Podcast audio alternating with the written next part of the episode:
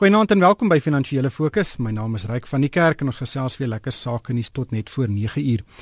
Ek het soos gewoonlik 'n beleggingskenner en 'n ekonoom om my te help. Amelia Morgenrood gesels uit Pretoria. Sy is natuurlik 'n portefeuljebestuurder by PSG. Goeienaand Amelia. Goeienaand Ryk. En uit Stellenbosch gesels Hugo Pina, hy is ekonoom by die Buro van Ekonomiese Onderzoek wat verbonde is aan die Universiteit van Stellenbosch. En ek wil Hugo, ek wil jou nie net welkom heet nie, maar ook baie geluk sê. Hugo is hierdie week aangewys as die Thomson Reuters as Suid-Afrikaanse ekonoom van die jaar. So baie baie geluk Hugo en welkom by die program. Baie dankie, goeienaand. Wel ons gaan vanaand gesels oor die die JSE en wêreldmarkte wat die week skerp gestyg het en nuwe rekordhoogtepunte getoets het. Dit spruit hoofsaaklik van weer nuus uit uh, Amerika en China dat die lande se ekonomieë regtig op die herstelpad is. Meer as 200 000 noemsalede het die week in die ingenieurswese en vervaardigingsbedrywe begin staak en daar is voortgesette kommer oor die gesondheid van die Suid-Afrikaanse ekonomie. En dan het die Australiese reguleerders 'n uh, ondersoek gelas om te kyk of Solomon Loo dalk nie te veel bloed uit die Woolworths kliptap nie en ons gaan 'n bietjie gesels oor presies wat met daai transaksie gebeur.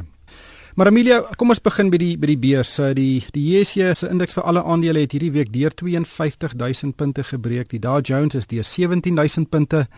Dit is werklik seker een van die beste aandele weke wat ons hierdie jaar nog gesien het. Ja, ehm um, reg die tweede helfte van die jaar het op 'n baie hoë noot begin. Dit is net rekordvlakke oral reg deur die wêreld op aandele Net vir die eerste helfte van die jaar het ons mark meer as 10% gestyg, ondanks al die slegte ekonomiese nuus wat daar is en ondanks al die doemprofete wat aan die begin van die jaar gesê het, um, ons moet vrede maak daarmee maak dat ons nie weer dubbelsyfer groei gaan sien in die markte nie. Nou, ek dink jy weet plaaslik word ons maar gedryf deur internasionale markte. Ek dink in isolasie ons alleen sou dalk minder goed verdien het. Wie weet, maar aan die ander kant moet jy ook in ag neem dat Suid-Afrika van die beste maatskappye in die wêreld het. Daar's heelwat studies wat nou uh, gepubliseer word hier rondom. Ehm um, byvoorbeeld JP Morgan se opkomende marktestrategie het 'n verslag gedoen waarin hy wys dat die die, die opbrengs op aandeelhouerskapitaal vir Suid-Afrika vir die Suid-Afrika MSCI uh, Suid-Afrikaanse indeks is een van die hoogste in die wêreld op 16.8%, selfs beter as die MSCI wêreldindeks. En ek weet dat as Amerika se maatskappye, so Suid-Afrikaanse maatskappye word in 'n baie positiewe lig gesien deur die res van die wêreld. Ons het van die beste korporatiewe beheer by Suid-Afrikaanse maatskappye, die winsgewendheid soos ek sê van die heel beste. Ons finansiële sektor is is 'n eerste wêreld finansiële sektor. En ons maatskappye doen fantasties. Jy weet, en hulle is nie net afhanklik van Suid-Afrika nie daar's 'n totale diskonneksie tussen tussen ons maatskappye en ons ekonomie. Want die meer, die meer as 50% van ons alle aandele indekse winste kom in geval van dollars en ander en ander ehm um, geldeenhede. Selfs Suid-Afrikaanse wel tradisioneel Suid-Afrikaanse maatskappye soos SA Brouwerye verdien net 20% van hulle winste hier in Suid-Afrika. So ek kan vir jou nog baie statistieke gee. Ehm um, daar's soveel, dit is eintlik wonderlik hoe, hoe goed ons maatskappye doen. Van 1994 af, né, tot nou, dit is nou 20 jaar het ons ons aandelebeurs 'n gemiddeld dividende ingesluit van 15% per jaar gedoen. Nou dit is baie beter as wat ons ekonomie gegroei het. Ja. Kyk, hierdie week sou se uitstekende vertoning op die beurs vol grootliks um, uit ekonomiese data uit Amerika. Hugo, ehm um, die Amerikaners het aangekondig dat hulle werkloosheidskoers het tot 6,1% gedaal en dit is omtrent dieselfde vlak wat dit was in September 2008. Dis natuurlik voordat die uh, finansiële krisis omtrent die hele wêreld in resessie gedwing het. Wat maak jy van hierdie syfer en hoekom is hierdie lae werkloosheidskoers? Hoekom het dit so groot impak op uh, aandelemarkte? Ja, definitief reg. Ek meen die die, die syfers lyk beter. Ehm die Amerikaners moet omtrent so 200 000 rolweg werke per maand skep om daai werkloosheidskoers aanhou te laat daal en dit is inderdaad binne die laaste 5-6 maande gebeur het. So in Junie het hulle amper 300 000 werke geskep en dit was heelwat meer as wat die mark uh, verwag het. So die werkloosheidssyfers um, lyk lyk inderdaad um, baie goed. Maar ek dink mense moet net vinnig sê in terme van die impak op die markte. As mens nou mooi daaraan dink, as die Amerikaanse werkloosheidssyfers um, beter lyk, um, dan gee dit vir die Amerikaanse sentrale bank meer ruimte om dalk vinniger rentekoerse uh, te verhoog as wat hulle andersins sou. En dit is natuurlik eintlik of dit behoort 'n negatief te wees vir vir die aandelemark. Maar wat ons nou sien is dat ehm um, Janet Yellen, die hoof van die Fed, die hele tyd besig is om hierdie verwagtinge uh, terug te stoot. So sy sê ja, die die die werkloosheidsyfers lyk beter, maar as mens na na ander maatstawwe kyk van indiensnemings in Amerika en ook veral na wat met lone gebeur, So lone groei nog steeds net 2% um, jaar op jaar. So die feit dat hierdie indiensnemingssyfers beter lyk het tot dusver nog amper geen negatiewe impak op inflasie gehad um, in Amerika nie. Ek dink waarvan die markte hou is ja, werkloosheid um, is beter, um, die ekonomie is aan aan die optel, maar die Fed is, is sê vir ons hulle gaan definitief nie nou al uh, rentekoerse begin op um, so dis so die kombinasie van daai twee faktore wat ek dink jy weet soos in Engels is amper 'n Goldilocks um, scenario uh, vir die aandelemark. Ons het die afgelope paar jaar sedert die uh, resessies hier in 2008 en 2009 het die Amerikaners begin met 'n nuwe beleid wat hulle genoem het kwantitatiewe verruiming. En vir 'n omtrent verlede jaar was dit omtrent elke tweede finansiële program het na daai woord verwys en frase en dit is 'n dit was die Amerikaanse stimuluspakket om na ekonomie weer weer aan die gang te kry. Weet om 'n bietjie woema te gee. En dit was 'n baie kontroversiële manier om dit te doen want hulle het 'n hengse klomp geld gedruk en dit in die ekonomie ingepomp is hierdie lae werkloosheidskoers en hierdie positiewe vooruitsigte volg dit direk op hierdie kwantitatiewe verruimingsprogram? Like, ek sê seker daaroor nie. Um, ek dink die groter impak wat daai programme gehad het, was juis in die finansiële markte. Um, so die idee was dat die dat die Fed pomp 'n klomp geld in die ekonomie in en dan laat veral die handelsbanke moet daai geld gebruik om krediet in die res van die ekonomie um, in te stoot um, vir huishoudings en vir maatskappye sodat die krediet siklus um, aan die gang kan kom en dat dit dan nou 'n positiewe impak op die hele ekonomie um, sou hê. Nou dit is nie regtig wat wat ons gesien gebeur het nie. 'n Klomp van daai geld het in die finansiële markte in balans. So dit het aandelepryse, batepryse um, opgestoot. Nou dit het natuurlik met tyd 'n positiewe impak op die hele ekonomie want dit verhoog byvoorbeeld eh, besteedbare inkomste van Amerikaanse verbruikers as die aandelemark nou op op rekord vlakke is en dit het waarskynlik ook 'n positiewe impak op die op die huismark gehad. So huispryse is ook nou besig om om redelik te styg in in Amerika. So indirek het dit 'n impak op die hele ekonomie maar maar nie maar nie so direk soos wat mense eintlik sou uh, gehoop het nie. Hmm. Amelia, kom ons kyk 'n bietjie na die Suid-Afrikaanse omstandighede hierdie week. Ons het 'n geweldige groot staking in die vervaardigingssektor ehm um, gesien. Noemsa het begin om te staak 200 meer as 200 000 werkers in die vervaardigingssektor. Ons doen onsself ook nie eintlik enige gunste nie. Nee, glad nie. Ongelukkig ehm um, dink ek dit gaan tot nadeel van die werkers wees want um, ek glo nogal in mense um, se vermoëns en innoverende optrede. En al wat gaan gebeur is jy weet maatskappye gaan net al hoe meer en meer mekaniseer en wegbeweeg van fisiese arbeid. En ondanks al hierdie stakings en al die slegte goed wat gebeur is gaan dit eintlik baie goed met die nywerheidsmaatskappye in Suid-Afrika.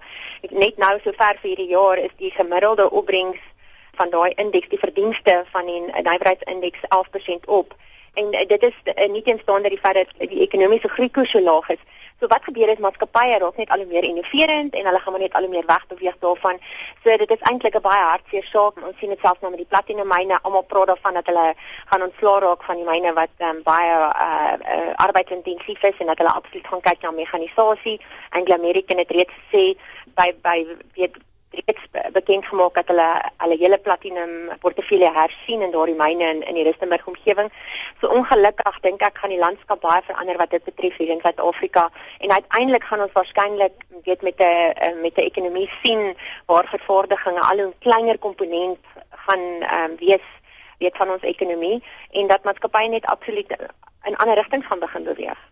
Ja goed, daar was uh met uh gissings in die mark van een van die groot Amerikaanse vervaardigers in Suid-Afrika wat al die woord of in in vergaderings gesê het hulle kan dalk kyk na ander markte. Nou as jy gaan kyk watter groot Amerikaanse vervaardigers daar in Suid-Afrika is, dan is dit maar Ford en General Motors en miskien General Electric ook. Uh, so iets kan 'n geweldige negatiewe sein stuur as een van hierdie groot vervaardigers sou sê wel genoeg is genoeg.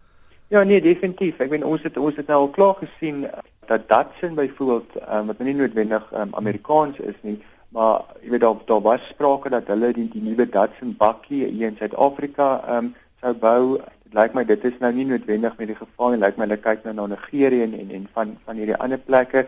So die punt is ons ons verloor uit op op potensiële uh, regstreekse buitelandse investering wat ons sou in die afwesigheid van al hierdie stakings wat mens dalk sou sou gekry het en wat ons natuurlik brood nodig het om iets soos ons lopende rekening of, of groot lopende rekening tekort uh, te te finansier. Hmm.